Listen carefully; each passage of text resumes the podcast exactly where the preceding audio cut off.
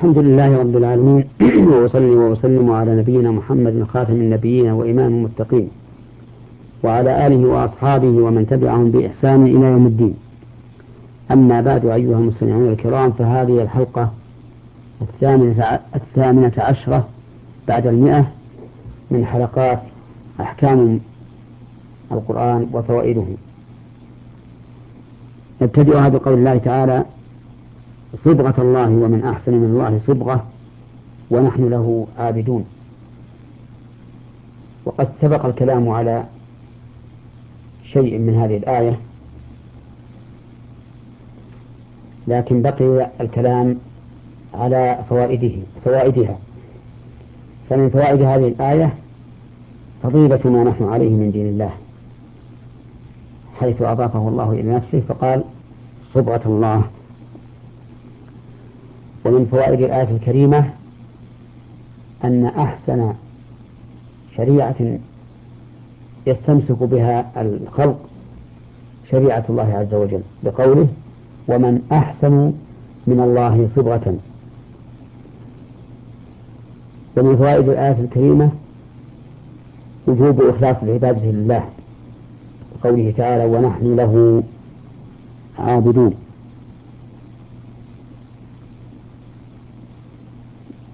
لأن تقديم الجار والمجرور يفيد الحصر. ومن فوائد هذه الآية الكريمة وجوب إقرار العبد بأنه عبد لله ومقتضى هذه العبودية أن يكون ممتثلا لأمر الله سبحانه وتعالى مجتنبا لنهيه لأن العبودية مأخوذة من التعبد وهو التذلل محبة وتعظيما. قل أتحاجوننا في الله وهو ربنا وربكم ولنا أعمالنا ولكم أعمالكم ونحن له مخلصون. قل أي يا محمد ويصح أن يكون خطابا لكل من يتوجه إليه الخطاب. والاستفهام في قوله أتحاجوننا؟ في الله الاستفهام للإنكار. والمحاجة هي المخاصمة لإقناع الخصم. لأن كل واحد من الخصمين يدري بحجته ليلزم بها الآخر. وقوله في الله أي في دينه وشرعه. فتقولون نحن الذين على الحق مع أن الحق مع من اتبع ما جاء به رسول الله صلى الله عليه وسلم. وهو ربنا وربكم اتفاقنا واتفاقكم أنه رب الجميع. وإذا كان هذا إقراركم فإن الواجب عليكم أن تأخذوا بشرعه. الآخر فالآخر. لأنه رب. فهو أعلم بمصالح عباده. وهو الذي يملك ما شاء من أمورهم. فيأمرهم وينهاهم على حسب ما تقتضيه حكمته ورحمته. ولنا أعمالنا ولكم أعمالكم. يعني أن الرب واحد للجميع. وأما العمل فخاص بكل ذي عمل. كل ذي عمل فعمله له وحده. ولهذا قال ولنا أعمالنا ولكم أعمالكم.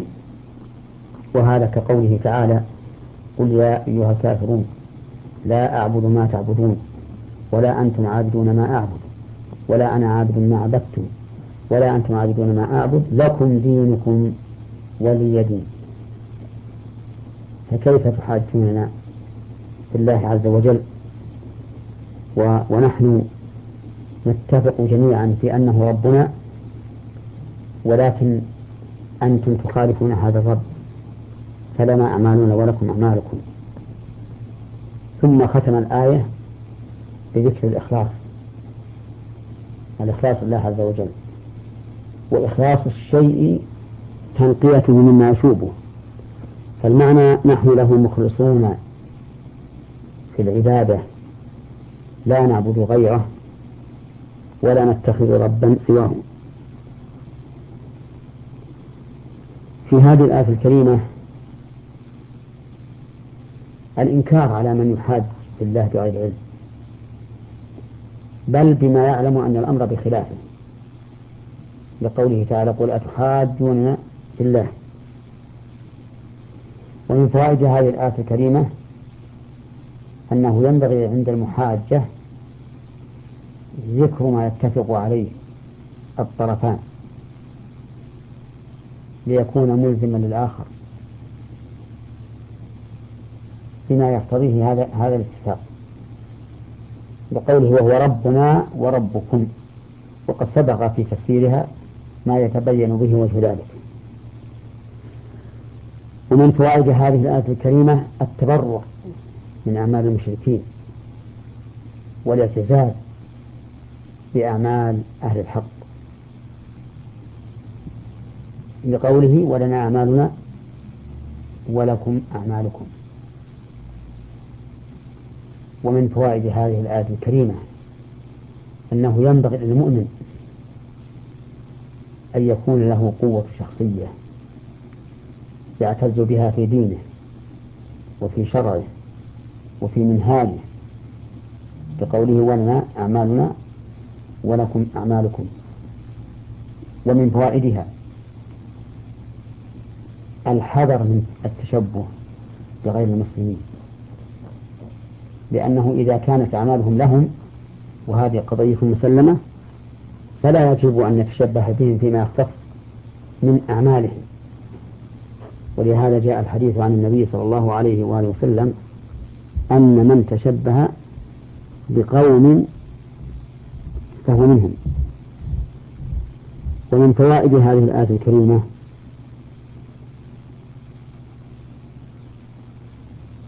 فضل هذه الأمة بإخلاصها لله عز وجل. لقوله, لقوله تعالى ونحن له مخلصون أي لا لغيره ثم قال تعالى أم تقولون إن إبراهيم وإسماعيل وإسحاق ويعقوب والأسباط كانوا هودا أو نصارى؟ قل أأنتم أعلم أم الله؟ ومن أظلم ممن كتم شهادة عنده من الله وما الله بغافل عما تعملون. أم هنا بمعنى بل وهمزة الاستفهام أي بل أتقولون؟ والاستفهام هنا للإنكار. يعني أن الله تعالى ينكر عليهم هذا القول. إن إبراهيم وإسماعيل وإسحاق ويعقوب والأسباط كانوا هودا أو نصارى. وهل هذا يعقل أن يكون إبراهيم وإسماعيل وإسحاق ويعقوب والأسباط المتقدمين كانوا هودا أو نصارى واليهودية والنصرانية لم تحدث إلا من بعدهم؟ هذا ليس بمعقول. كما قال الله تعالى يا أهل الكتاب لم تحاجون في إبراهيم وما أنزلت التوراة والإنجيل إلا من بعده؟ أفلا تعقلون؟ يقول عز وجل عن هؤلاء اليهود والنصارى منكرا عليهم أن تقولون إن إبراهيم وإسماعيل وإسحاق ويعقوب والأسباط كانوا هودا أو نصارى؟ قل أأنتم أعلم أم الله؟ ومن المعلوم أن الجواب بل الله عز وجل هو الأعلم. وإذا كان الله تعالى أعلم وقد بين أن إبراهيم عليه الصلاة والسلام وبنيه ويعقوب وبنيه كلهم كانوا على الحق كلهم كانوا على الإخلاص فكيف تأتون أنتم وتقولون إن إبراهيم كان يهوديا أو إن إبراهيم كان نصرانيا؟ ومن أظلم ممن كتم شهادة عنده من الله؟ من أظلم من استفهام والاستفهام هنا بمعنى النفي أي لا أحد أظلم ممن كتم شهادة عنده من الله لأن الواجب على المستشهد أن يشهد ولا يكتم. ومن أظلم ممن كتم شهادة عنده من الله.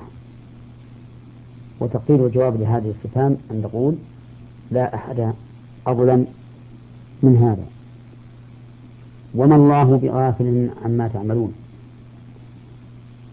ما هذه نافية وبغافل خبر مبتدأ. ودخلت عليه الباء لزيادة التأكيد. فلم يكن الله تعالى غافلا عما يعمل عما يعمل هؤلاء لكمال علمه ومراقبته جل وعلا. في هذه الآية في هذه الآية الكريمة فوائد.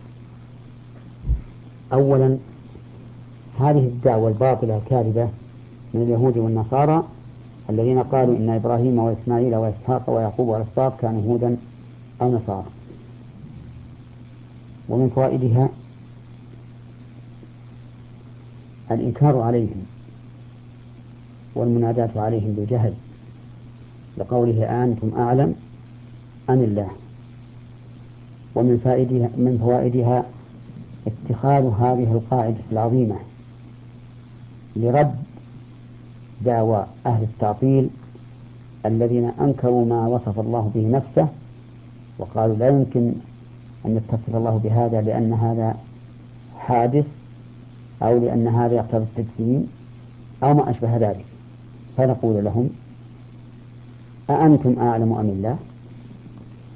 فإن قالوا نحن أعلم فقد نادوا على أنفسهم بالضلال وإن قالوا بل الله أعلم قلنا إذن فأثبتوا ما أثبته الله لنفسه من الأسماء والصفات على حقيقته وانفوا ما نفى الله عن نفسه من الأسماء والصفات.